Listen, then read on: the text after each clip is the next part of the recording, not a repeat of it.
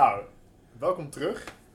Uh, wij hebben ondertussen onze bieren dus bijgevuld, onze blazen geleegd. En uh, we zijn weer helemaal uh, voorbereid voor een, voor een extra ronde. We hadden eigenlijk verwacht al klaar te zijn, maar nu gaan we gewoon lekker verder. Um, Patrick begon er net ook al kort even over, maar vooral de Battenvier race lijkt mij een ontzettend leuk onderwerp om het over te hebben. Ik ken jou verder niet zo heel goed, maar je bent wel een voor mij bekend figuur. Uh, en toen ik uh, laatst het archief aan het doorkijken was, onder andere voor het lustrum om te kijken wat er allemaal is gebeurd eigenlijk uh, in de historie van Van der Waals, kwam ik ook een hele mooie foto tegen van jou tijdens de Battenvier race. Dat jij je uiterste best aan het doen bent om waarschijnlijk zo snel mogelijk aan het bier te kunnen. Nou, nou, nou, nou, het is gewoon een sportwedstrijd, hè? Laten sportwedstrijd, ja, helder hebben dat jij zo hard mogelijk. Uh, was in de nacht ook, hè? Voor je dan bij het bier bent, dat duurt best lang. Ja, dat, dat, dat, dat zeker waar. Dat busje dat uh, duurt altijd even. Um, jij begon het al aan een mooi verhaal over uh, een zekere Bata die op een mindere manier begon. Ja, die heb ik dus niet meegedaan. Want ah, toen heb ik echt twee dagen, dat was in 99. Die heb ik dus niet meegedaan, want dan heb ik echt met een halve hersenschudding een paar dagen op bed gelegen. Dat heeft overigens de, de organiserende bestuursleden hebben mij toen nog een mooi kaartje gestuurd. Die heb ik heb ik nog teruggevonden dat ze een beetje kwaad waren over het feit dat ik... Uh, het was namelijk mijn, was mijn lustrum, was de vijfde keer dat ik mee ging doen. hadden ze zelfs een cadeautje voor gekocht. De vijfde keer dat ik mee zou rennen en dat ging niet door. Dus het was heel sneu. maar goed, ehm, ja, ja, dat is wel grappig. Want ik begrijp hieruit dat Van der Waals nog steeds hier elk jaar meedoet. Ja, ook dit jaar. Uh, ook dit jaar hebben we weer een Battle 4 race georganiseerd. Anders dan uh, anders. Maar dit keer hebben we... Uh, heeft de sportie een route uitgezet met, met een, een start en, en finish hier onder flux. Je ziet uh, als je naar buiten loopt zelfs nog op de tegel staan, okay, okay. soepkrijt. Uh, dus route, uh, die zal deelnemers hebben gelopen. maar was dat, was dat een landelijk initiatief dat allerlei teams hun eigen race konden uitzetten en dan resultaten vergeleken konden worden? Of is het, was ja. een eigen initiatief? Ja, het is steeds, okay. was dit jaar was het, was het dan online. Mm -hmm. Dus alle teams konden gewoon thuis hun oh, cool. eigen rondjes lopen. En uiteindelijk is Van der Waals 37 geëindigd. 37ste, hè? Ik ben niet heel erg bekend met de geschiedenis, maar ik kan me voorstellen dat dit toch wel de hoogste klassering is die we ooit hebben gehaald. Ja, ik weet niet hoeveel, hoeveel, teams er dit, tegenwoordig daar mogen deelnemen, maar in het verleden waren dat rond de 300. Het waren er nu 192. Ah, oké. Dus, uh, nou, dat, is een prima, dat is een prima klassering. Dus, Daar ben ik zelf eigenlijk best wel heel tevreden over. Ja, ja, ja. En, ehm, eh, eh, volgens mij, maar eh, misschien vergis ik me één jaar, maar ik denk het eigenlijk niet. Volgens mij heb ik als eerstejaars meegelopen in het Van der Waals team, wat voor de eerste keer deelnam. En dat was in 94. want toen hadden we een activiteitscommissaris, dat heette toen gewoon een activiteitscommissaris. en ehm, dat was Ramon Navarro, Navon, Navarro Icoren, want hij had een Spaanse vader. Um, en die was zelf fanatiek uh, zwemmer en waterpolo. En die liep al jaren bij Najade mee bij de Batavieren. En dat moet Van der Waals ook mee gaan doen. En toen hebben we voor het eerst een team gemaakt. En dat kregen we niet helemaal vol. Vooral de damesetappes waren in die tijd heel moeilijk te vullen. Want toen stond nog bijna geen meisje in natuurkunde. Uh, en toen heb ik met een, uh, met een mede eerstejaars hebben wij ons ook ingeschreven voor dat team. Terwijl eigenlijk, ja, als eerstejaars heb je, had je in die tijd nog niet zo heel veel met de activiteiten van de Waals. Behalve de paar dingen die voor jou werden georganiseerd. Maar ik denk, meerennen, dat moet ik wel doen. Dus um, dat hebben we toen gedaan. En uh, uh, dat was, volgens mij was dat de eerste keer. En het jaar daarna hebben we niet deelgenomen. Toen was de activiteitscommissaris niet zo sportief. En het jaar daarna zat ik in het bestuur. Toen was de activiteitscommissaris ook niet zo sportief. Maar toen vond ik dat we mee moesten doen. Dus dan hebben we het weer gedaan. Uh, dus, dus sindsdien loopt Van der Waals al mee in de badveerrace. Ja. Houd je ook al, al eigen shirtjes? Eigen shirtjes, doe niet zo gek. doe niet zo gek, man. Toen een shirtje dus... drukken kostte toen uh, 40 ja, gulden. Nee, dat was, was ik dus al, duur. Daar was ik al bang voor. Maar nee. zelf, zelf borduren was ook geen optie. Nee, nee, nee. Ja, helaas, nee hoor, nee, ik had geen eigen shirtjes. Je kreeg een hesje aan. Ja, dat, is, dat is tegenwoordig ik je kreeg een hesje met een chip aan. Dus al had je een eigen shirtje, dan kon toch niemand te zien. toen hadden ze wel al chips. Die waren net uitgevonden, denk ik. Die waren wel, uh, net opgericht. De eerste natuurkundigen werden op dat moment uh, aan een jasje getrokken. Ja, ja mooi. Ja, dat is En we hebben nu uh, de, de, de, traditie of het gebruik om, uh, om voor elk jaar een sportshirt te maken. Dus ik heb ondertussen al, al drie shirts verzameld. Cool. aan Batavier race t-shirts. Ja, ik vind het wel Een mooie een, een, collectie. ik vind het sowieso, sowieso een mooi evenement, maar ook, ook goed dat Van der Waals elk jaar aan meedoet. De continuïteit ook wel eh, belangrijk is. Eh, want ik geloof ook wel dat een van de afgelopen jaren natuurlijk ingevoerd is dat er met loting ook gewerkt wordt. Hè? Dat, je dat je te maken krijgt, omdat er zoveel belangstelling was. Bij de Battenvierrace. Ja, Ja, dat ja, je niet dus alle echt, teams eh, kunnen deelnemen. Nee, Ja. precies. Maar volgens mij was Van der Waals nog altijd eh, wel eh, als een rode, eh, rode streep aan de agenda van dan en dan snel inschrijven, Ja, zodat we ja, meer ja, kans zeker. maken. Maar ik vond het altijd Ja. wel heel mooi. Maar wat ik zelf ook altijd een beetje, wel misschien een beetje gemist heb of zo, wat ik altijd wel leuk vind, kijk, in Amerika heb je altijd, elke universiteit heeft zijn eigen sportteams. Hè, dus dat de rivaliteit met andere universiteiten is daar heel erg. Ja, Van, hè, je hebt eh, allemaal van die, eh, ja, weet je wel, de, voet, de college Ja. voetbal league en dat soort dingen. En in Nederland heb je dat eigenlijk niet. Ja, we hebben natuurlijk allemaal wel sportverenigingen, maar die hebben allemaal een eigen dingetje en daar maak je als algemeen student weinig meer mee. Maar de Batten 4 is denk ik Battenvierrace wel ja. eigenlijk hetgene wat er het dichtst bij komt. Als je, vooral als je meedoet en je gaat er naartoe, je komt daar. Ja, voor mij was het ook echt van de eerste keer dat je echt gewoon met heel veel andere universiteiten in aanraking komt. Je gaat ook barbecuen doen eh, bij, eh, bij de plaatselijke natuurkunde eh, studievereniging. Oeh, serieus? Ja, dat hebben we toen wel Oh, cool. gedaan. Volgens mij is het ook wel... Ja, ja. Volgens mij zelfs met, met alle natuurkundeverenigingen. Oh, echt? Ja, nee, dat klopt. zijn. Ja, dat klopt nu je het Eh, zegt, ja. Dat is wel Hartstikke goed, leuk. eh, Maar ook gewoon vooral eh, dat je dan lekker gaat, eh, gaat rennen en dan zie je een aantal van je team het gewoon ontzettend goed doen. Ik, ik kan me nog herinneren, ik heb zelf twee keer meegedaan. Eh, en ik vond het vooral heel leuk om te zien dat mensen die gewoon eh, maar liefst eh, 15 km per uur of harder rennen. denk van nou, knap hoor. En die trekken dan voor jou mooi de score omhoog. Ja. hè. En dat je dan toch zo merkt van zijn we, zijn we sneller dan toch, zijn we sneller dan toch. En eh, dat lukt volgens mij eh, wel vrij vaak, maar dat, dat, dat, is, dat, is- dat is mooi. Maar dat je dan toch wel een beetje die rivaliteit voelt ook met andere teams, andere natuurkundeverenigingen. Dat vind ik, vind ik wel Nou ja, ja mooi. en, en eh, daar heb je dus ook wel gewoon echt die universiteitscompetitie Ja. natuurlijk. Hè? Dus als Ja, je het hebt over universiteiten die met elkaar eh, in de slag gaan. Ja. In de jaren dat, dat ik, ik heb, ik heb hem denk ik een keer of 7, 8 meegelopen. Eh, ehm, in, die, in die jaren deed de TU ook wel mee echt voor de hoogste drie, vier plaatsen. Dan Hm. sta je daar toch een beetje eh ehm, plaatsvervangend trots te wezen voor jouw Ja. eigen universiteit. Dus Ja, maar dan het TU-team bedoel je het? TU-team, ja, ja, ja, Nee, van der Waals niet. Ik heb er wel, ik heb wel een jaren de statistieken bijgehouden. En ik, die, we zijn ooit eh, in 2003 76, vier- nee, in 2003 74 geworden, zie ik. Ja, Oh, Ja. maar de 37ste, nee. Dat, is, eh, dat zou een record, dat zou, ja, weet ik niet. Er zijn- sindsdien alweer 15 jaar verstreken, dus eh, Ja. wie, wie zal het zeggen? Nee, in mijn, eh, in mijn tijd, hè, dus in Mhm. mijn eh, Ja, ja, ja. tijd dat, dat, dat ik hier rond heb, zijn we volgens mij niet hoger geëindigd dan eh, net binnen de top 100 op plek Dat 99. is al best knap. Ja, ik wil Daar waren we toen nog best wel heel tevreden mee. Hadden ook best wel een eh, aardig team. Ook dit jaar ook zeker weer. Gewoon best wel eh, veel goede lopers tussen. Ze, ze hebben in de loop van het jaar, ik denk, ik denk ergens rond 2005 of zo, hebben ze de etappes gewijzigd. Want in, in de tijd dat wij liepen, waren er in de nacht nog een paar etappes van 11, 12 kilometer. En die zijn er volgens mij niet meer. Nee, Volgens mij is de langste type een etappe nu 10,5. Ja. Dat vond ik wel jammer, want ik ben echt van de lange afstanden. Oké, En ik zie dus ook in mijn statistieken dat ik die nog wel eens heb gerend met 14,3 gemiddeld. dat is Maar wel, dat is wel heel 20 netjes. kilo geleden, vrees ik. Ja, ja, 20 kilo, ja, kilometers. eh, dat- nee, dat is... eh, ik, eh, ik, ik doe de eenheid half. Maar, maar ging er toen ook eens een keer wel eens een keer iets goed mis met, met logistiek? Nou ja, toen was dat natuurlijk in die zin wel een veel grotere uitdaging. Hè? We hadden Ja. toen een nachtploeg, een ochtendploeg en een middagploeg.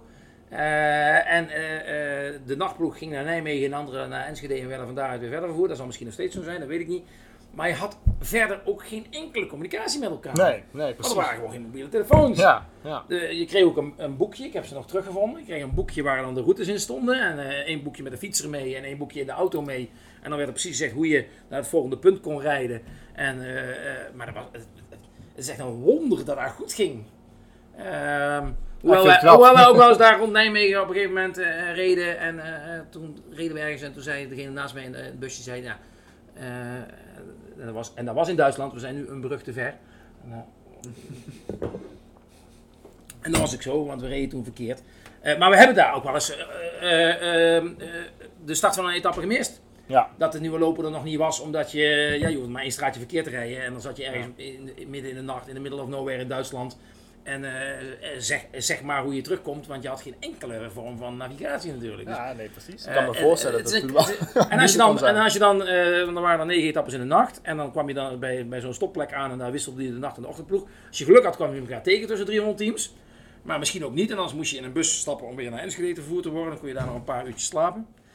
Ehm, ja, ik, ik vond het altijd heerlijk. Ik heb in, in het jaar dat ik zelf in het bestuur zat, hadden we net te weinig mensen. Dus toen zei ik, nou, dan doe ik wel twee etappes. Dat was in de tijd dat ik nog wel in conditie was. Dus toen liep ik één etappe in de nacht van een kilometer of 12 en toen zou ik er 's middags ook nog 7 lopen. Maar ja, dat was niet zo handig, want dan moest je na de nacht naar een Enschede en dan weer meteen in een bus terug richting de startplaats voor de mid- eh, middagploeg. Dus toen ben ik maar in het busje blijven zitten. Toen heb ik echt van s'avonds 7 tot de...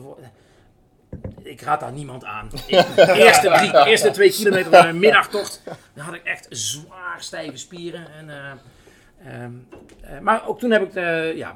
Ja, Oh, netjes ik hoor. zou Ja. willen dat ik terug was in die tijd, want toen had ik nog conditie en eh, ja. Ja, het is nooit te laat. Het is nooit te laat.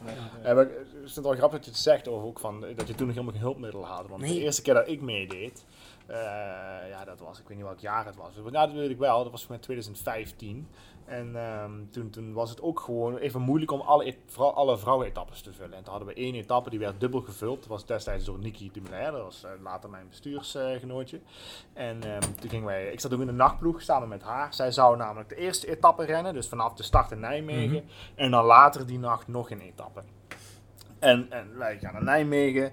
En eh, hartstikke mooi, natuurlijk heel mooi om die start mee te maken. Nou, zij begint met rennen en zij wist natuurlijk al, ik ga straks nog een etappe rennen. En de eerste was iets van, voor mij iets van drie kilometer, of zo heel kort. Ja. En dus zij heeft zich heel erg ingehouden.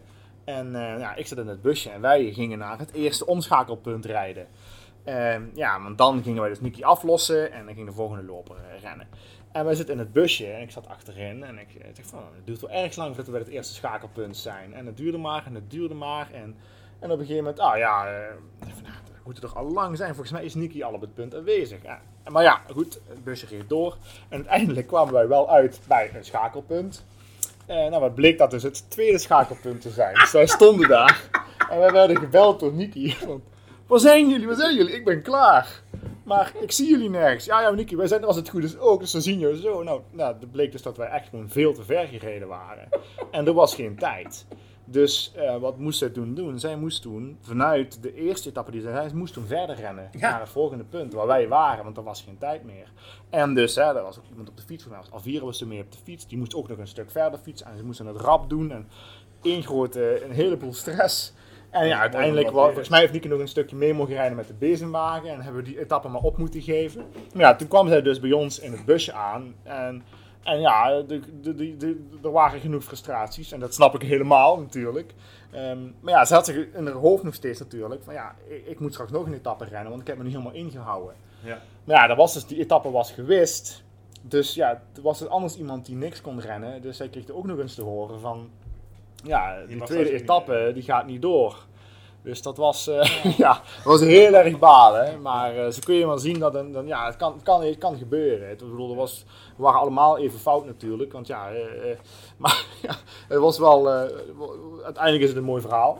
maar op dat moment was het voor niemand leuk. Ja. En uiteindelijk zijn we toen volgens mij best wel even in het klassement natuurlijk een stukje naar beneden geduikeld. Maar volgens mij zijn we nog wel boven het tor geëindigd. Dus, Kijk, dat is eh, belangrijk. dat, dat, eh, Die moraal van het verhaal. die- de die- liep in onze tijd volgens mij niet eens mee. De moraal van het verhaal. eh, is, eh, Wij zijn, wij zijn, het in de- Het wij lukt zijn bij dus. de 25e Batavier race, die was in 1997, waren wij 125ste geworden. En ze hadden vooraf aangekondigd dat eh, extra prijzen zouden zijn voor de mensen die 25ste, 125ste, want het was de 25ste, Nou, de 24ste, oké, ja. 25ste. Maar ja, je weet hoe dat gaat als je daar bent. Je bent ergens aan het feesten en bij die prijsuitreiking is geen hond aanwezig. Dus, eh, en we wisten helemaal niet hoeveel we waren geworden. Dus we hoorden eigenlijk pas achteraf de volgende dag dat we 125ste waren. En niemand van ons was eigenlijk bij die prijsuitreiking geweest. Maar ik ging eens voorzichtig informeren. En een paar mensen die er wel geweest waren, zeiden, "Ja, daar zijn volgens mij helemaal geen prijzen uitgereikt voor de, de 25ste en de 125 Nee, dus we waren weer terug in Eindhoven. Ik dacht, ja, daar laten we niet. Wij zijn 125ste geworden. Volgens mij heb ik nog twee weken op en neer gemaild met de organisatie om te kijken of we onze prijs niet konden. En dat was een super mooie prijs, want dan zou je voor je hele team, let op, telefoonkaarten krijgen. En ik zal even voor de jonge luisteraars even uitleggen. Vroeger als je onderweg was en je moest bellen of zo, dan stonden er overal telefooncellen. En dan moest je daar kwartjes in gooien en zo. Kwartjes waren 25 cent, guldens. Ehm, maar dan had je ook telefoonkaarten waar je al een budget en, waren, en in die tijd was het, was het, als je dan je eigen telefoonkaarten maakte, zoals later ook postzegels eh, van jezelf, Ja. dat was heel, was heel hip in die tijd. Echte Batavier race, telefoonkaarten kon je dan, eh, kon je dan winnen. Die zou het hele team krijgen. Dus ik heb er echt twintig keer over gemaild. Ik, het verhaal vertelt me eigenlijk niet meer of die uiteindelijk nog geleverd zijn. Daar ging het ook niet om. Maar ik denk, we moeten onze 125ste plaats wel eh, te gelden maken in de vorm van eh, een paar telefoonkaarten. Ik denk dat we ze ooit gehad hebben, maar volgens mij tegen de tijd dat we ze hadden, waren de telefooncellen uit het straatbeeld verdwenen. Ja, ja. Nee, de, Mooi. de afgelopen eh, offline Battenvirus, dus gewoon, gewoon de echte Battenvirus, dat wij ook naar eh Enschede zijn, ge- zijn, ge- zijn geweest. Toen liep ik de, de, de etappe na de eerste herstart. Dus eh, om 's ochtends, eh, wat is het, 6 uur of, of zo, eh, eh, sta je dan dus aan de start, waarvoor je dus om 4 uur opstaat om dan volgens Mhm. in een shuttlebus met allemaal andere Oh, dat is allemaal niet vergaan. dat is wel heel goed. naar de, naar start geëscorteerd te worden om daar vervolgens de andere ploeg aan op te zoeken. En jezelf een beetje warm te houden, want het is natuurlijk koud. Eh, en ik, ehm, ehm, ik liep dus die eerste, eerste, eerste etappe. eh, en een meisje dat, eh, eh, eh, eh, dat, dat op de fiets zat tijdens, mijn etappe, ehm, die had een andere insteek van de Wattevierrace. Ik was er heel erg om gewoon heel hard eh, eh, mijn etappe af te lopen. Zij was er vooral voor de gezelligheid. Eh, en ehm, dat werd zo na twee kilometer vooral duidelijk toen zij op een gegeven moment haar verhaal, ehm, wat ze aan het houden was, even stopzetten met... "Hè, wil je wel dat ik tegen je praat? Ehm, waar ik tussen mijn, tussen mijn passen door ergens eh, eh, nog de adem gevonden heb om te zeggen... Nee, vind ik niet erg, maar ik ga niet reageren. en toen heeft zij vervolgens het wel volgehouden om de rest van de etappe gewoon door te blijven praten. Wat ik best wel een prestatie vind, Dat is eh, knap. persoonlijk. Ja. Eh, Ja. Daar moet je conditie weer hebben. ja, da- da- daar moet je ook een, een zekere vorm van conditie hebben. Dus het was een eh, leuke eerste kennismaking. en het, het verhaal we gelukkig later op de camping nog eh, wel afgemaakt. Maar het is, eh, het was een mooie... mooie ehm, Maar dan zul je hard gerend hebben. ik eh, was best tevreden. Ik, ik, ik had mijn, mijn, eh, mijn ehm, record Mhm. van, van, van de editie daarvoor ook verbroken. Dus daar was ik ook eh, erg tevreden over. Want hoe snel had je gerend? Ik had eh, net iets boven de 15 km per uur. Kijk. Ja, dat is wel Dus snel, ja. Dus ik had, de vorige editie had ik net iets onder de 15 per uur. Dat was natuurlijk erg, erg pijnlijk. Zo net iets onder. Dus ik moest en zou vastgebeten en het is ietsje gelukt, boven. eh, Ja, dus dat was zo. eh, ontzettend leuk. Netjes zo. En Ja. dat is nog steeds zo, dan natuurlijk de, de meest fameuze etappe is natuurlijk de eindetappe. hè. Wordt Mhm. nog steeds eh, gedaan ook door eh, traditioneel de, de voorzitter en eh, iemand anders van het bestuur. Het is vaak natuurlijk, je hebt een, een, een heren eindetappe en een vrouwen eindetappe. Ja. Steeds altijd door bestuurders gedaan. Maar is dat voor onzin? Dan moet je je beste lopers opzetten. Ja, dat, Nee, dat, daar dat is wordt een wel eh, Wat een flauwekul zeg. Jezus. Dan moet je je beste lopers opzetten. Wil je- een beetje vroeg het stadion in komt? Zie hier de tand Hou destijds. nou eens op zeg. De, dat, dat wordt zeker nog steeds heel veel gedaan. En Van der Waals valt daarom misschien ook wel een beetje uit de toon. maar het is inderdaad vooral de voorzitter van het bestuur en, ehm, eh, en meestal nog iemand. Want dan moet je ook nog de vrouwetappe vullen. Ja. Ehm, Of de mannen. of de mannetappe. Ik wou Maar zeggen, ja, eh, de afgelopen twee jaar hebben wij een vrouwelijke voorzitter ik gehad. wou zeggen, Maar eh, je laten vieren. pas op hè. Kom, Dus, niet, eh, kom niet aan mijn oud-leerling Merel. eh. Nee, nee, nee, maar die heeft helaas niet mogen lopen. Oh, nee hoor, dat was Want wat eh, ik ging niet door. ging, ging Ja. niet door. Maar dat wordt inderdaad steeds, steeds, steeds gedaan en dan eh, de vlag wordt overhandigd. Ja. eh, Ja, zo, het, zo eh, eindig je nooit op de begin van 37e de plek. bocht. Jongen, jongen. Ja. Ja, is het nog steeds de record geloof ik, eh, die eindetappe in pakren, toch? Oeh, nou, de- ik heb eh, daar in het stadion veel leuke outfits voorbij zien komen. Mensen die met een item op hun rug die hele 7 kilometer hebben Ja, gebracht. ja, en, ja. Of dus in een, Dat wordt natuurlijk ook elk jaar in een schaatspak of in een roeipak of in een Ja. wat voor vereniging je dan ook bent in zo'n pak. En Thor, nou ja, Thor is Thor is dan jasje dasje waarschijnlijk. Ja, dat is echt prachtige ervaring hoor. Want ik heb eh, tegen, tegen de zin van, eh, van Patrick in heb ik die eindetappe gerend. Ik was Ja. beslist niet de snelste renner van. Ja, eh, dat, is- dat vind ik een van- schandaal dat jij die hebt mogen ja, nou, ja, ik vond het. eh, Misschien was het een schandaal, maar ik heb genoten van het schandaal. Ja, dat geloof ik. Het was een heerlijk Ik schandaal. heb schandalig genoten. Maar het was, het was wel echt een mooie ervaring. Echt, ja. echt, prachtig. eh, als je dan dat, dat, eh, ja, die Sintelbaan opkomt. En ook, ook super, natuurlijk heel die, heel die laatste etappe. staan er zoveel mensen langs de kant. eh, daar ga je wel wat sneller van. Dat is ook Dus, niet veranderd dan. Nee, dat concept is wel echt, steeds eh, hetzelfde. op, Dat de gekste plekken waar je denkt van Ja. woont er iemand, daar staan mensen dan. Ja. En eh, Ja, dat is gewoon heel erg mooi. is en blijft toch Enschede. Ja, ja, Nee. ja nou, Nee. misschien dus het daar aan. maar- Ik had ook altijd absoluut eh, uitgekeken naar de, de laatste etappe van dit jaar. Want nou ja, we hebben een vrouwelijke voorzitter. Ja. eh, wat natuurlijk de kans laat voor de man-etappe. Ik ben secretaris, de volgende is Consti.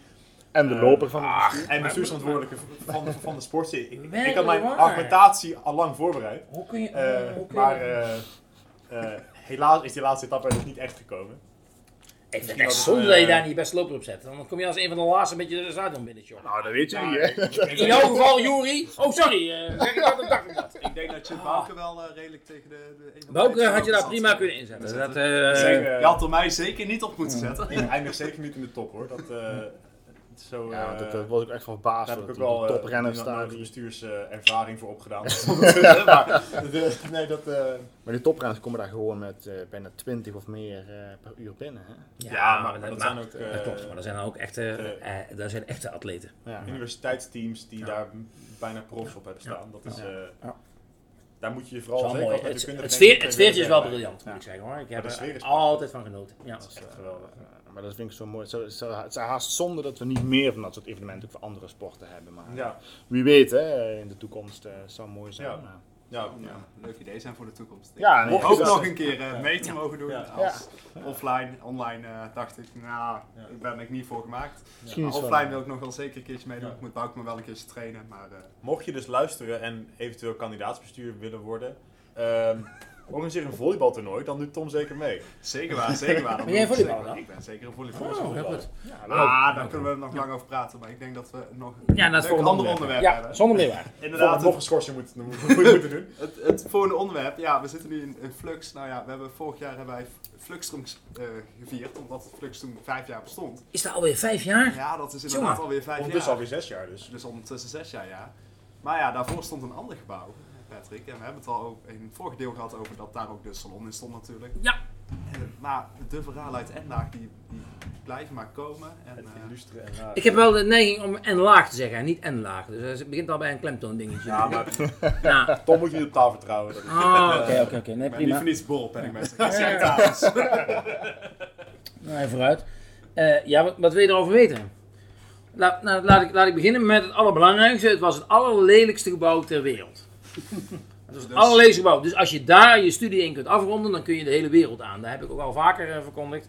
Eh, ik heb en laag overleefd, dus dan kun je de rest van je leven kan het niet meer mis. Maar dat, dat Ja. is het gebouw zelf. Ik heb vaak genoeg gehoord over de, de, over de salon zelf. Ja, ja, Dat ja. daar wel meer sfeer of meer dat bruine cafégevoel. Eh, ja, ja. Eh, nou ja, eh, eh, ehm, de salon zat ooit ergens in een hoekje van een, eh, van een eh, dat was in een van de vleugels. En laag was een gebouw met een lange eh, hoofdgang en daaraan vijf vleugels waarin alle onderzoeksgroepen zaten. Eigenlijk had elke groep zijn eigen vleugel. En de achterste vleugel, de G-vleugel, ehm, eh, daar zat ook wel een onderzoeksgroep, maar die hadden blijkbaar wat ruimte over zo. Want daar is ooit in, in, in een ruimte de salon begonnen. En in het jaar dat wij in het bestuur zaten, we de faculteit besloten dat, want toen zat Van der Waals nog ongeveer in de hoofdgang op het belangrijkste kruispunt. Als je daar binnenkwam bij de koffieautomaat, daar had Van der Waals een ruimte. Die hadden we ook ooit van, een, eh, eh, van de Van der Waalskamer als eh, van de faculteit eh, in bruikleen gekregen. Maar dat was een te prominente plek, denk ik, want die wilden ze terug. Naast de koffieautomaat, laten we wel wezen. Dus, eh, eh, toen hadden ze besloten dat we een vleugel moesten gaan inrichten. en dat was dus de vleugel waar de salon al zat, maar die zou helemaal studentenvleugel worden. En eigenlijk is dat het thema geweest van ons bestuursjaar, want er moest er huis gaan worden. En er moesten allerlei nieuwe ruimtes worden ingericht en er was een hoop. Nou ja, goed, je snapt, dat gaat niet in, met, zonder slag of stoot. Dus dat heeft ons ongeveer een jaar gekost om dat voor elkaar te krijgen. Maar toen hebben we inderdaad wel, het aardige was dat elk van die vleugels had aan het eind van de vleugels had een grote eh kopstal waar je grote opstellingen in kwijt kon.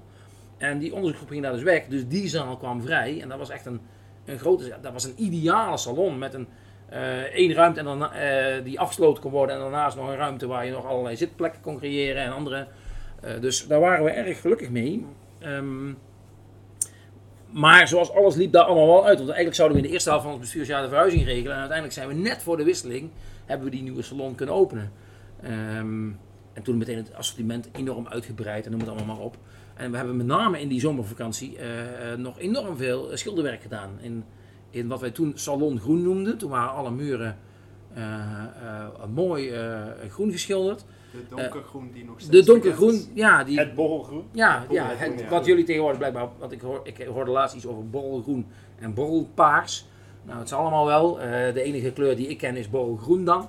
Ehm, ja, maar dat, dat was wel een enorme klus. Want we zijn eigenlijk de hele zomer. nou ja, en wij waren natuurlijk niet van die handige klussers en schilderaars. Eh, en er moesten alle tussenmuurtjes gebouwd worden en zo. En dat deed allemaal de, de toenmalige eh, portier van eh En Laag. tegenwoordig, zou- ik zag ergens een receptionist staan, maar in die tijd hadden we gewoon nog een portier. Joep Bekkers, die heeft ons toen enorm geholpen door allerlei subruimtes te creëren en, muurtjes te zetten. En, alle, en wij deden dan wat makkelijker werk, schilderen en plafondjes hangen en dat soort zaken. Maar daardoor werd het wel een, het, het, het was wel echt een bruine kroeg. We hadden donkere muren, we hadden aan het plafond houten vlonders hangen. eh, die eh, soort palletachtige dingen die ooit in de eh, oude salon waren neergehangen. En toen we gingen verhuizen bleek dat ze niet door de deur konden. Dus die waren tot plekken in elkaar gezet. Dus die hebben we, eh, volgens mij heeft het ons nog drie dagen gekost om die in stukken te zagen en weer op de andere kant op te hangen. Het, het, was, het was wel een hele gezellige eh eh, oud-bruine kroeg, ja. ja. En eh, wat vind je dan van deze ruimte nu? Dat was even wennen. Nou hebben we natuurlijk een tussenfase gehad dat, de, dat En Laag al tegen de vlakte ging en dat de salon tijdelijk in cascade gezeten heeft. Eh, zo een beetje. eh, maar, eh, maar ik begin hier al te zien, want met name in de eerste jaren merkte ik aan alles dat er eh, ook niks mocht en niks aan de muren kon hangen. Maar als ik nou zo hier om me heen kijk, dan denk ik, nou, langzaamaan begint de invloed van de architect minder te worden. En beginnen, want inmiddels, inmiddels begint al, wat dat betreft al wel weer meer uit te stralen. En je hebt hier natuurlijk een geweldig dakterras, hè? dat hadden we toen niet. Sterker nog, we hadden toen wel een deur naar buiten, maar die mocht je niet gebruiken, want er was een nooduitgang. Dus, dus ehm, Dakterras is absoluut een mooie ja, toevoeging. dus ehm, ja, eh, nou ja, en aan de andere kant, ik ben misschien natuurkundige genoeg om het, eh, niet, eh, de ruimte niet eens zo interessant te vinden. Het gaat erom eh, de, mensen die je tegenkomt en wie. de overgang van, van, van en laag naar, naar flux. Ehm, ik ben zelf dus nooit een en laag geweest, want vo- voordat ik hier überhaupt kwam op een open dag was dat al weg. Ehm, maar het markeert in mijn hoofd althans, ik ben het dus nooit geweest, ik weet het dus niet precies, maar een beetje de, de, de overgang van, van echt het, het, het territorium van de student naar meer, je bent als student eh, te gast bij de faculteit. Want hier, eh, nou, in de salon in de Van Waalskamer moeten we altijd alles netjes ehm, eh, overleggen of wij überhaupt er een podcast, een podcast mogen opnemen of wij iets om mogen ophangen of dat, dat, dat soort dingen. En de, de, de, de, de soort van baldadigheid van de studenten wordt daarmee toch een stuk eh, gekortwiekt. omdat je anders gewoon echt een probleem krijgt, wat je natuurlijk als vereniging absoluut niet wil. Dat wil ik ook zeker niet uitlokken. Maar toch die vrijheid die daar Ja, nou ja, die was het deels. Ik heb ook wel gemerkt dat die in de loop van de tijd ook wel een beetje wisselend was. In de tijd dat wij er waren, moesten wij ook echt wel met, met de faculteit overleggen als we eens een keer langer dan tot 10, 11 uur s'avonds iets wilden doen. En ik heb gemerkt dat een jaar of tien later, en misschien was dat wel omdat het gebouw toen op zijn eind liep en toen dachten ze dat, dat, eh, bestuurders van de faculteit toen dachten, nou eh, prima. eh, dat, dat daar veel meer vrijheid in was. Hoor. Dus het is, ook, het is niet zo dat omdat we daar die vleugel hadden, dat alles kon en mocht in mijn tijd. Mijn gevoel was dat het net voor het gebouw afgebroken werd, eh, wel, wat, wel wat ruimhartiger was. Eh, misschien, eh, eh, eh, misschien dacht de faculteit ook, er kan weinig meer stuk. Het moet dat was, misschien ook wel waar. Ja. Eh, Het is misschien ook dat, dat ik daar een- romantisch beeld of een, een, een geromantiseerd beeld van heb. Om- Omdat ik natuurlijk alleen ken uit, Ja, uit de verhalen. ja en, en, alleen die verhalen blijven natuurlijk hangen. Absoluut. Ja. Eh, Laten we wel. En- en- verhalen en- blijven leven. En, maar ik, denk Ja. ook, ook dat die verhalen hier zeker eh, ook in Flux wel, wel zijn eh, Nou, eh, gemaakt, eh, gaan, en gemaakt gaan worden. Het is altijd op zoek naar een contrast ook. Hè? Want Ja. ik- ben zelf ook begonnen toen ik hier bij Natuurkunde een meeloopdag ging doen en open dagen. Ja, toen was er gewoon was geen en-laag meer. Nee. Er bestond niet en er bestond geen flux. Ja. Dus ik kom hier midden terecht en ja, er was gewoon helemaal geen gebouw. En eigenlijk, eh, aan de ene kant vond ik het heel jammer, aan de andere kant heb ik wel voor natuurkunde gekozen. Juist wat Patrick net zegt. Het gaat om de sfeer, het gaat om die mensen zelf. En het feit dat dat al aantrekkelijk genoeg was voor mij en ik voor veel anderen. Want ja, de studentenaantallen zijn er zeker niet minder op geworden. Ja, zegt wel heel veel. En ik ben toen ook een cascade gekomen. Ik kon heel duidelijk zien van ja, dit is niet eh, de dedicated eh, purpose van dit gebouw of van deze ruimte. En hetzelfde geldt voor de Van de Waalskamer. Maar de mensen waren altijd heel vriendelijk en open. En je wist ook, ja, er komt een mooi gebouw aan en dat werd toen gebouwd. En eh, toen ik zelf voorzitter werd, was de verhuizing was net achter de rug. Dus had net scintillatie, had net een half jaartje erin gezeten. Maar er waren heel veel dingen die, ja, toen liep je wel echt tegen de restricties aan. En ook vooral veel wat, wat, Patrick net ook zegt, waar veel mensen die in, in die, die eindfase van een laag mee hadden gemaakt, die vonden het ook heel moeilijk. Zeiden, ja, je moet alles aanvragen en we kunnen niet meer zomaar lekker de hele nacht doorhalen in de salon en noem het maar op. En het was allemaal, ja, eh, natuurlijk heel begrijpelijk, want ja, dat is een heel contrast. Eh, maar ja, het is interessant om te zien, want ik denk dat je ook op zich aan de ene kant is het natuurlijk, wat jij zegt, hè, een aantal zaken worden gekortwiekt. Eh, er zijn wat, wat brutaliteit, wat studenticoze zaken, ja, daar moet je heel erg voorzichtig mee zijn. Ongeveer alles wat hier, op, wat hier hangt, ja, ik kan me nog goed de mailtjes herinneren die ik heb moeten sturen om dat aan te vragen. Ja, exact. Hè, van het eh, actieve, ja, daar de, de, de, het sponsorbord tot hè, het borrelbord en de televisie en de sponsor van de televisie. Ja, dat is allemaal voorzichtig. Maar iedereen was toen voorzichtig. En iedereen, zeker met de gang naar het nieuwe gebouw van Flux, het was geven en nemen. En eh, ik denk ook dat Ja. daaruit heel die verhuizing, kon je denk ik ook heel mooi het karakter van, van, ook van, van, van onze faculteit zien. Dat wij in eerste instantie, zouden we niet eens een, een borrelruimte krijgen. Eh er Ja. was gewoon niks. Dus eh, ja, iedereen moest wat inleveren en wij zouden geen borrelruimte, Ga gewoon verder, ja, Jeroen. zouden geen borrelruimte krijgen. Hij Eh, Dat dat ging, gemaakt dat ging vervolgens staan, ja, een borrelruimte dan maar samen met Toch. Hè, dat kunnen jullie prima samen. Totdat gewoon onze eigen decaan op, op de stoep stond van, eh, van het CVB. Ja. En, eh, een protest in te leiden van, ja, nee, maar dat, dat, dat, dat, dat, dat spreekt ja, ontzettend veel voor, ja, voor onze faculteit. Dat zelfs onze eigen decaan gewoon daar staat en strijdt voor, ja, nee, dat is belangrijk voor, voor de cultuur van de faculteit. En, Ja. en nu zitten we natuurlijk samen met Toch hiernaast. Eh, ik heb de laatste borrel in potentiaal nog meegemaakt. Eh, dat, was, eh, dat was een hele ervaring voor mij. Want ja, goed, sowieso is er natuurlijk een cultuurverschil tussen die twee. En ik was daar en de tent werd letterlijk afgebroken. Ik wist niet wat ik zag, want ik was dit eigenlijk al gewend. Want ja, eh, ik was cascade gewend en, en Thor ging redelijk laat uit potentiaal. En er was echt gewoon alles wat van het plafond gerukt. En eh, de faculteit moest uiteindelijk ingrijpen met beveiliging, et cetera.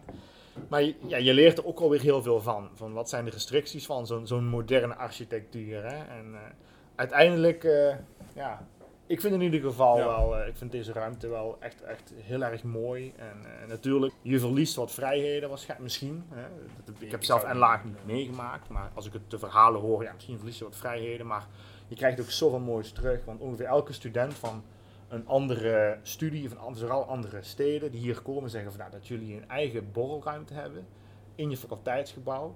Ja, dat zou bij ons onmogelijk zijn. Met dakterras. Ja, met een dak. Nou, Oh, dakterras ja. is Ja, ook je binnen als, er, Eindhoven als, er, als er iets is waar ik jaloers op ben, ja. Ik wil zeggen, daar gaat nu, dat is nu al het hele ding van hoe jaloers sommigen zijn op het dakterras. Ja. Wij, eh, Ook andere studies Het enige jammer is dat je met die rare buren moet, moet Nou delen. ja, maar goed, we, hebben eh, nu, we, hebben nu, we mogen nu gelukkig weer borrelen, om die, maar inderdaad op dit moment alleen op eh, buiten. En, en wij hebben inderdaad het geluk dat we het dakterras hebben, dat we maar met twee man hoeven delen. Want buiten moeten we alles delen met elf verenigingen. En nou ja, dat scheelt toch weer eh, negen verenigingen om rekening mee te houden. Ja. Ja. Nou is die ene wel Thor. maar dat, dat heb ik natuurlijk niet gezegd. Eh, nee, nee, dat is zeker maar gewoon dat, aan die. Het is zeker een, een, een win eh, dat- dat je hier in een heel mooi gebouw zit, wat, wat, wat, waar gewoon alles nog werkt. Alles doet het. eh, het internet werkt goed. Ehm, je hoeft niet bang te zijn dat de wc overstroomt als je doortrekt. Het is allemaal, alles, alles werkt gewoon goed. Eh, het enige wat je daar na- na- voor inlevert is dat, dat, dat, dat, dat elk, elk deukje wordt ook opgemerkt. Eh, wat natuurlijk een, een Ja, van en geven- tegelijkertijd is het een kwestie van tijd. Want met dat soort dingen is het natuurlijk zo, hoe ouder een gebouw wordt, hoe minder men daarom gaat geven. Klopt, ik had ook in het begin van mijn studie had ik een, een hele mooie laptop die geen enkel krasje had. Dat is ondertussen wel anders. En ook ondertussen als ik hem niet meer gebruik, dan mik ik hem op mijn bed. En dan, Ja. Ja. dan Ja, is dat niet, dat ik, precies, dat ik hem precies, opleg. Dus misschien ehm, gaat het ook wel eh, over tijd. Dat En realiseer je ook wel, eh, nou ja, ik, ik heb de verhalen ook wel gehoord hoor, over en laag en dat er alles kon en dat tot diep in de nacht kon doorzakken. Maar ik heb me daar toen ook over verbaasd. Ik denk, dat was tien jaar da- daarvoor toen ik het deed, was dat ook niet zo. Dus het, het, Ja. het is ook tijdsafhankelijk en momentafhankelijk. En zoals ik al zei, ik denk ook wel een beetje afhankelijk van het feit dat dat gebouw toch op zijn laatste benen liep. Ja. Eh, dat er meer kon. O- eh, ehm, of er was een andere reden. Ehm, maar in onze tijd, als wij een keer wat langer wilden, dan moesten we... Nou, dat is niet helemaal waar hoor. Ik heb ook wel eens eh, in die zomer voor dat lustrum waarin we ook de nieuwe salon gingen openen, heb ik ook tot midden in de nacht daar eh bierflesjes zitten schoonmaken om een lustrum bier in te kunnen brouwen. Dwars door de nacht heen. Maar dat, dus, dus als bestuurslid kon je wel, maar, maar met- twintig man gewoon een naborrel doen, dat kon echt niet tot midden in de nacht in mijn tijd hoor. Dus, eh, en tien jaar later volgens mij even wel en daarna niet meer. Nou ja, ach, eh, ehm, pak de dingen die kunnen en doe de dingen die niet kunnen niet. En dan, eh, Zeggen, nu inderdaad moeten wij even half elf, kwart voor elf weg. En soms wel jammer, maar aan de andere kant biedt het ook weer kansen om inderdaad naar een, een straat op te gaan. Of we pakken bij Van Mol een lekker speciaal biertje. Ja. Of we landen toch in die kroeg weer in de Costa voor sommigen. Ja. Om daar de avond af te maken. Ja, En je leert ermee omgaan. Ik ben denk dat keer gewoon- om eh, 11 uur de Amazing binnengelopen en daar ineens een hele borrelcommissie tegen tegengekomen. Ineens, hè, wat, wat, wat doen die hier? Wat, wat doe ik hier eigenlijk? Maar wat doen, die- wat doen jullie hier? Ja. Dat, is, eh, dat biedt Ja, ook wel en- mooi. En je mag je ook afvragen van in hoeverre is het ook, ook noodzakelijk dat je een, een universiteitsgebouw hebt met een kroeg erin die dan tot, tot, tot middernacht of later open is. En Voor een klein ja, clubje meestal Ja, hè? precies. ja, dan, dan Ja. doet het de uur. Nee, Misschien denk je ja, Hartst- hartstikke, hartstikke leuke, leuke verhalen, maar tegelijkertijd is dat ook niet, ja. Exact. En, en bedoel, het mooiste is natuurlijk ook gewoon als je nu hier kijkt, zo, eh, het is nou mooi weer. Als je toch naar, kijkt wat voor uitzicht je hier hebt. Zit midden tussen de skyline van Eindhoven. Ja, We hebben zelfs in ons eerste jaar, ik kan me herinneren, een broodtender heeft toen een foto gemaakt van het dakterras. Die heeft Piets weerbericht gehaald. Oh. Kijk, Ja, nou ja, wat wil je nog meer? Ja, kijk, Nee, maar dat is wel waar. En is- laat wel wezen, eh, in vergelijking daarmee was Haag een, een verschrikkelijke gruwel van een gebouw. ja, nou ja, de begane grond daarvan, daar, daar liepen gewoon alle leidingen over. Dat, was gewoon een donkere, donkere holgang, want daar zaten wat opstellingen. eh, bezoekers werden ook altijd vanaf de ingang meteen naar de eerste verdieping geleid, want de benedenverdieping wilde niet dood gevonden worden volgens mij. En, de- en dat deed je als student wel, al je, al je practica. Want de, practicum, de practicumzalen zaten ook daar. Ja, ik ja, eh, eigenlijk, wat dat betreft was het, was het een gebouw van niks. Maar het, het belangrijkste was dat daar gewoon, eh, de sfeer die daar hing, die hangt volgens mij nog steeds in de faculteit. En dat is, dat is wel dat mensen makkelijk bij elkaar binnenliepen en dat het eh, eh, gebouw uitnodigde om, om makkelijk bij elkaar, ja. Ja. Ja. Volgens mij, uiteindelijk maakt het niet uit in wat voor gebouw je zit. Het gaat er uiteindelijk meer om, om, om wie er zitten en wat ze doen en hoe ze met elkaar omgaan. En, wat dat betreft is volgens mij de faculteit natuurlijk nog niet veranderd. Nee, ja, volgens mij is het alleen maar daar sterker En eh, geworden. nou ja, het enige, Ja. het enige is dat je hier nu, nu dus alles, het hele gebouw. Ik, ik moet eigenlijk nog eens een keer een volledige rondleiding door Flux krijgen. Want ik heb hier wel eens, ik kom vooral op verdieping 6 en wel eens op de begane grond. maar eh, Dat zijn ook wel de hotspots. ja, dat snap ik. En, en maar een paar keer per jaar tegenwoordig. Maar eh, eigenlijk, eh, het punt is natuurlijk wel dat je hem nu met een andere faculteit deelt. En dat is wel anders. Ja, ja. Ja. Want jullie, jullie lopen van alles over, over tor en rivaliteit daarmee. Dat was in onze tijd natuurlijk ook wel zo dat je met de ene vereniging meer rivaliteit had dan met de andere. Maar je zat er niet direct naast. Nee, nee, nee, nee. Ehm, Maar die rivaliteit is nu wel opgelegd. Van als je nu Ja. rivaliteit hebt met Ja. Thor, met wie dan wel? Ja. Nou, maar het is wel grappig, want eh, in onze tijd was er ook altijd wel rivaliteit met Tor. En toevallig in ons bestuurjaar konden wij enorm goed door een deur met het bestuur van Tor. En hebben we heel veel, juist dingen, heel veel dingen samen gedaan. Maar in andere jaren was er vaak veel rivaliteit. En toen het hier begon, dacht ik, ja, misschien zal het uiteindelijk wel eens betekenen dat je juist veel meer dingen samen gaat doen en veel meer naar elkaar toe groeit. Maar ik begrijp eruit dat. Ja, Is dat zo of is dat. het, eh, het, het, het interessantste principe, het principe is inderdaad zo van de, de ruimte waar we nu zitten in de salon, die heeft een verschuifbare wand die Mhm. naar een grotere ruimte voor de salon kan betekenen, maar ook een grotere ruimte voor het Valhalla. En ik denk dat daar het grootste verschil in zit, waar wel eens frictie ontstaat, om het zo maar te zeggen. En eh, ik ben dan voornamelijk benieuwd bij jou, Jury, van ja, de eerste jaren dat je hier echt samen met Thor zit, hoe ging dat dan? Ja, ik denk dat het voor Thor een grotere cultuurshock was dan voor ons om naar Flux te gaan. Eh, zij kwamen eh, naar mijn idee van, als je ook hun verhalen hoorde van wat zij in potentieel allemaal konden doen, dat was nog eventjes een tandje meer dan wat een laag mogelijk was. En ook het karakter van de vereniging is heel anders. En, en persoonlijk, ja, als je het hebt over, over het delen van deze ruimte, ik heb naar mijn idee ging dat best wel gesmeerd eigenlijk. Eh, Ik heb zelf toen in mijn jaar ook een hele fijne verstandhouding gehad, ook met, met hun voorzitter. Eh, ik moet wel zeggen dat ook het karakter van, van, van Torren van der Waals is verschillend. En ik vond het zelf super leerzaam vooral. Ik vond het eh, ergens gewoon haast heel komisch. Eh, eh, het, kwam regelmatig voor dat eh, er weer iets stuk was hier in de omgeving. En we waren samen verantwoordelijk. Hadden samen dienen wij onze, ja, eh, dragen onze verantwoordelijkheid af aan het faculteitsbestuur. En ik had erin heel erg, eh, ja, van, ben van mezelf iemand die dat heel netjes probeert te doen. En toch was vaak iets meer op een strepen stond. Eh, maar eh, het kwam regelmatig voor dat ik even uit mijn bed werd gebeld, s ochtends, door, eh, door de voorzitter van Tor. Van, hey Jury, misschien moeten we straks even naar het faculteitsbestuur toe, want hier en hier is een gat. Of eh, deze en deze glasdeur is vanochtend iemand doorheen gesneuveld. Dus dat was, dat was wel een uitdaging.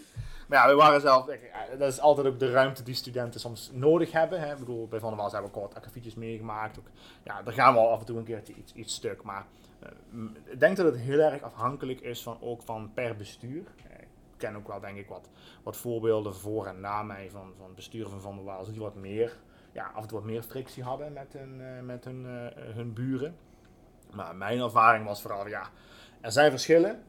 En die verschillen mogen wat mij betreft gewoon zijn. Ik vind rivaliteit erin erg mooi. En eh, ik denk dat we daar ook, ik vond het gewoon super leerzaam. En eh, we konden goed door, samen door één deur. Eh Thor ging soms door die deur heen. Wij wat minder. en, eh, ja. Ja, En ja, goed. En, en, en de faculteit, eh, dat was voor mij dan de uitdaging om dan duidelijk te maken. Ook aan de faculteit, ja, je gaat er samen heen. Er is iets stuk. En dan was het mijn taak om dan duidelijk te maken. Ja, subtiel van... Dit was niet eh, van de Waals toedoen. Hè. ah, En, dit, eh, het, het-. Maar ik wil zeggen, hoe, hoe is dat tegenwoordig? Ik wil zeggen, Ja, het, ben ik ook het- benieuwd het naar. valt wel redelijk goed samen. Van, ik heb het afgelopen week weer mogen samenvatten van... Thor doet wat en ziet wel wat de consequenties zijn. Van der Waals kijkt eerst wat de consequenties zijn en ziet dan, en, en ziet dan wat mogelijk is. En het heeft zijn voor- en nadelen. We hebben, eh, zo is het, niet, ja, niet deze tijd, maar in was het september, oktober was het ineens eigenlijk heel mooi van hoe Thor heeft besloten van... Hé, hey, nou ja, de barren mogen weer open. Wij gaan gewoon de bar openen en we nodigen gewoon het faculteitsbestuur uit en laten zien dat we het kunnen. En Ja. daardoor hebben wij zeker ook kunnen profiteren. Soms zal het nadelig zijn, soms zal het voordelig zijn inderdaad van hun acties, maar het, het, dat maakt het grootste verschil. Zo van, ook eh, was het afgelopen week eh, met de terrassen openen. Zij hebben gewoon inderdaad ineens besloten, wij gaan op het dakterras zitten zonder ons echt in te lichten. Zo van, wij gaan dit gewoon doen. Ja. En, en wij zijn toch net iets dat afwachtende, de, de terughoudende, maar daardoor weten wij al gauw eerder de consequenties en toch... En, en, en soms is het lastig te begrijpen van wat het, eh, de faculteit, eh, gewoon het gebouw weer en zo ervan vindt. Zo van, Ja. wat hebben ze Ja. liever? Dat, dat, dat het uitgevogen, dat het gedaan wordt en het gaat goed? Of, of dat toch dat stiekem, dat terughoudende wat, Ja. en toestemming vragen van onze kant? Hebben jullie met hetzelfde faculteitsbestuur te maken of zijn er nog steeds twee verschillende faculteiten? Eh, het zijn twee verschillende faculteiten, maar eh, gebouwbeheer is dezelfde persoon. Ja, ja, Het is oké. dezelfde directeur Gebouwbeheer is bedrijfsvoering. Directeur bedrijfsvoering, dus, ja. In principe, eh, mijn jaar zal nu denk ik hetzelfde zijn. Nou, toen eh, legden we gewoon verantwoording af. Ja, verantwoording ligt alsof we daar op audiëntie komen. Maar eh, je hebt gewoon, als je eh, eh, gebouwkundige zaken hebt en eh, gewoon met de faculteit contact met de directeur bedrijfsvoering, Mhm. is hetzelfde voor beide faculteiten. Mm, ja, natuurlijk. Ja, Ja. logisch. Maar ja, als je, als je dan zeg maar de, het hebt over, over dat wij nu buren zijn. Ik denk zelf dat het alleen maar eh, iets heel moois is. Eh, dan, eh, weet niet hoe jullie erover denken, maar ik vind het zelf wel heel mooi dat tegelijkertijd je, je, je buren wat meer leert waarderen. En tegelijkertijd ook gewoon gaat, meer gaat herdefiniëren. Van, of je echt gaat kijken wat definieert Van de Waals nu. Eh, ik kan me ook herinneren van, je hebt ook eh, in het bestuursjaar, als je bestuur gedaan hebt, dan krijg je altijd een keer de kans, eh, in ieder geval de voorzitter en de oud-voorzitter, de kans om mee te gaan op, ik geloof de Mystery Tour heet dat dan. Hm. En dan, eh, dat is dan eh, op uitnodiging van het CVB. En dan gaat van elke studievereniging gaat er dan delegatie mee. En dan ga je dan ergens in Nederland heen. En dan, ja, een heel programma wordt er dan af, eh, afgewerkt. En ook alle decanen gaan daarbij mee. Ik weet niet of dat tegenwoordig nog steeds zo is. Maar Ik heb er nog nooit van gehoord. Maar Inderdaad. in ieder geval, dat was, eh, dat was in ieder ik geval... baal er eh, bijna van dat ik geen voorzitter ben. Ja, Maar- hetzelfde met die voorzitters. ik, ik kan me toen herinneren dat ik Toen is dat weer eh, beter, hè? Dat gaat, dat gaat weer mis. Ik ben toen naartoe ook, ook, uitgenodigd en daar was toen ook Gerrit Kroes bij. En toen gingen wij ook naar, ik geloof naar Tilburg, want daar werd toen een nieuwe faculteit geopend. En een gezamenlijke faculteit met de TU Eindhoven. En, eh, en daar gingen we, ja precies, data science was dat. En dan gingen we in een kapel, gingen we ook een aantal stellingen doen. En eh, toen was het ook heel erg, eh, toen hadden ze het ook nog over de opkomst van Hubble, et cetera. Dat was toen allemaal, eh, eh, het werd ook de vraag gesteld, en er ging een hele, hele discussie kwam erop gang, want dan gingen we discussies, stellingen behandelen. Een van die stellingen was van, eh, alle individuele borrelruimtes zouden moeten ophouden te bestaan. En ehm, er zou gewoon één grote algemene borrelruimte moeten komen. Oftewel Hubble, nu Hubble is. En wat jij straks noemde. Hubble? Ja, Hubble is nu meer in eh, een algemene ruimte waar iedereen eh, welkom is. Eh, Oh, daar moet ik nog eens een keer naartoe. Ik Ja. sowieso eens een keer... Jij, jij er straks ook wil jij, ja, een keer, ik wil graag een keer gewoon, eh, als alles weer open is, een keer over het hele TU-terrein weer eens Ja, gewoon de- door alle gebouwen ja, worden rondgeleid door mensen die daar verstand van hebben op dat moment. was een beetje waar alle cultuurverenigingen nu Ja, ja, ja, ik snap het. Ik heb er wel eens wat over gelezen, maar een hoop plekken waar ik niet meer geweest ben en dan zoveel Algemene veranderd is. Dus ontmoetingsruimte kan je bij. je hoeft niet vertellen, je moet me dan een keer meenemen. Dan gaan we daar een keer langs. Ja? Maar, maar in ieder geval, dat, dat, afspreken. Eh, Ja. eh, het ging toen over die stelling. En eh, toen, toen kwamen er een aantal mensen aan het woord. Ook vooral van, universiteit, van eh, universiteitsteams. Hè. Ja. En die hadden het vooral over, ja, die individuele bouwruimtes die moeten worden opgeheven. Heeft totaal geen zin. Dat is alleen maar gewoon hokjes denken. Er moet gewoon één grote ruimte komen. En toen uiteindelijk, toen, toen eh, dacht ik van, nou, ik was er helemaal niet mee eens. En toen hebben we het ook gehad. Toen toen dacht ik, ik ga ook eens een keer wat zeggen. Dat heb ik samen met Gerrit Kroeze ook uitgelegd. Van, weet je dat verhaal van hè, eh, hoe, de, hoe onze programma tot stand was gekomen. En ook gewoon van ja, er zijn eigenlijk twee dingen. Als je kijkt naar voetbalteams. eh, ik ben zelf dan bijvoorbeeld Feyenoorder. Nou, ik hoor hier aan PSV'ers. Ja, kijk, ik hoor het nu al. Er is gezonde rivaliteit. Alleen PSV'ers zijn nooit gezond, maar dat maakt niet uit. Er is gezonde rivaliteit, maar dat Maar, is maar ze voetballen tenminste. Exact, Ja. maar dat, hè, dat is allemaal andere discussies. Maar dat is hartstikke mooi. Die individuele rivaliteit tussen verschillende clubs is, vind ik, een mooi iets. Hè. Tegen elkaar een beetje kunnen afzetten en tegelijkertijd jezelf afvragen, ja, waarom ben ik eigenlijk voor PSV, voor Feyenoord, voor Ajax of wat dan ook. Erg goede vraag. allemaal. Maar ja, op het moment dat er hè, eh, een, een voetbalwedstrijd van Nederlands elftal, dan sta je allemaal naast Ja, elkaar. zo is het. En ik denk dat hetzelfde gewoon precies opgaat, dat heb ik toen ook gezegd, van, ik denk dat hetzelfde opgaat op het universiteitsniveau. Van. Er zijn momenten waarop je gewoon je moet kunnen terugtrekken, je moet kunnen afvragen van, nou, waarom vind ik natuurkunde leuk en waarom vind ik Van der Waals leuk? En bij toch, ja, die mag je lekker afkafferen, maar die moet je lekker naast elkaar kunnen laten bestaan. En tegelijkertijd op een aantal momenten, zoals constitutieborrels, zoals in Hubbel en zoals waar dan ook, dan sta je lekker gebroedelijk naast elkaar. Dus daar hoeft elkaar helemaal niet uit te sluiten. En ja, daar denk ik in ieder geval, eh, dat vond ik, in ieder, ik vind het in ieder geval mooi dat we hier naast hun zitten. En ik weet niet of jullie eh, die mening ook delen, maar ik denk dat het voor zeker. ons ook heel leerzaam eh, is geweest. Alle donderdag netjes een buitenborrel. Ik eh, ben on, eh, ja, gewoon uit het niets inderdaad. Ja, ik moest een half uurtje overbruggen. Ik denk, ik ga wel een biertje bij hem drinken. Dus mij an- een uur later heeft Bouke hetzelfde idee gehad, inderdaad. om een biertje te drinken, inderdaad. Bij, ja, dit is nog een eh, iets uitgebreider verhaal, want, want eh, ik was hier inderdaad nog om half zes of zo eh, met eh, Thijs, eh, onder andere. En ehm, wij zijn hier eh, en wij denken erover op naar huis te gaan, maar we zien de deur van het Walhalla openstaan. Niemand van Toor te, bekennen, het Walhalla staat open. Dat is toch wel een kwalijke zaak. Dus wij hebben dat natuurlijk eventjes eh veiliggesteld. We gaan, eh, Ik kan wel zeggen, gelukkig dat dat dus binnen bestaat. gaan zitten en eh, om toch even die studenticoze dingen terug te, terug te halen. Wij, wij zijn er even binnen gaan zitten eh, en hebben ehm, ehm, even overwogen om ook echt iets mee te nemen. We hebben een soort van herenakkoord met Thor, ook met alles nu een beetje Tuurlijk. Uitgesmeerd is over de ruimtes. eh, om niet echt iets te brassen, maar ja, dit is toch wel gewoon een grove fout. We hadden ook allemaal bier mee kunnen nemen of apparatuur. Of in ieder iemand anders had het, had het kunnen doen. Dus en had hen opgebeld, iemand even naar boven gekomen van, oh dat is wel eh, een beetje onhandig. Eh, en had gewoon achteraf een biertje gedaan. Ehm, op het vluchtveld dan, buiten op het terras. Zo, dat was hartstikke gezellig. En z- zeker die, die soort van ehm, rivaliteit, die wel gewoon vriendschappelijk blijft, maar waar mee elkaar wel een beetje... ehm, eh, Scherp houdt misschien wel. ja, ja, Ja. inderdaad. Had je toch een beetje, ehm, had je zorg dat, had je wel een beetje je best blijft doen en eh, toch beter wil zijn dan de ander en dat toch een beetje, een beetje eh, zo tegen elkaar opboksen, dat helpt denk ik wel gewoon heel erg met de cultuur en de sfeer die hier, die hier dan toch hangt. Dat je toch ook een beetje trots kunt zijn op je eigen vereniging, want je bent niet door. Maar, Eh, ik, ik heb, en van de andere kant hetzelfde. ja. maar heeft, het, heeft het feit dat jullie naast elkaar zitten ook geresulteerd dat je meer dingen samen bent gaan doen? Voor je gezamenlijke eh, Eh, ja, doelgroepen? zeker. We hebben jaarlijks een picknick. Dat, maar dat is kleinschalig misschien. Maar we hebben ehm, ook een open wandborrel inderdaad. Zo van, wij kunnen de wand opengooien om gewoon samen in, in één ruimte twee barren te hebben. Om toch samen te borrelen. En het zorgt inderdaad toch wel ook voor die, inderdaad, voor die gezelligheid. Nee, want enerzijds is rivaliteit goed, maar tegelijkertijd denk ik, als je, als je buren bent, dan is rivaliteit prima, maar het biedt misschien ook wel eens wel mogelijkheden om, eh, eh, om, gez- eh, om gezamenlijke interesses op een, groot, op een betere manier eh, eh, te organiseren, omdat je met meer bent en meer kunt, eh, voor elkaar kunt krijgen. Ja, en ik denk dat de rivaliteit misschien soms wel een groot woord is voor, voor hoe de verhoudingen van de Waals Ja. en is. Kijk, het is gewoon, je bent tot verschil, af en toe zet je, elkaar, zet je wat tegen elkaar af en dat is leuk.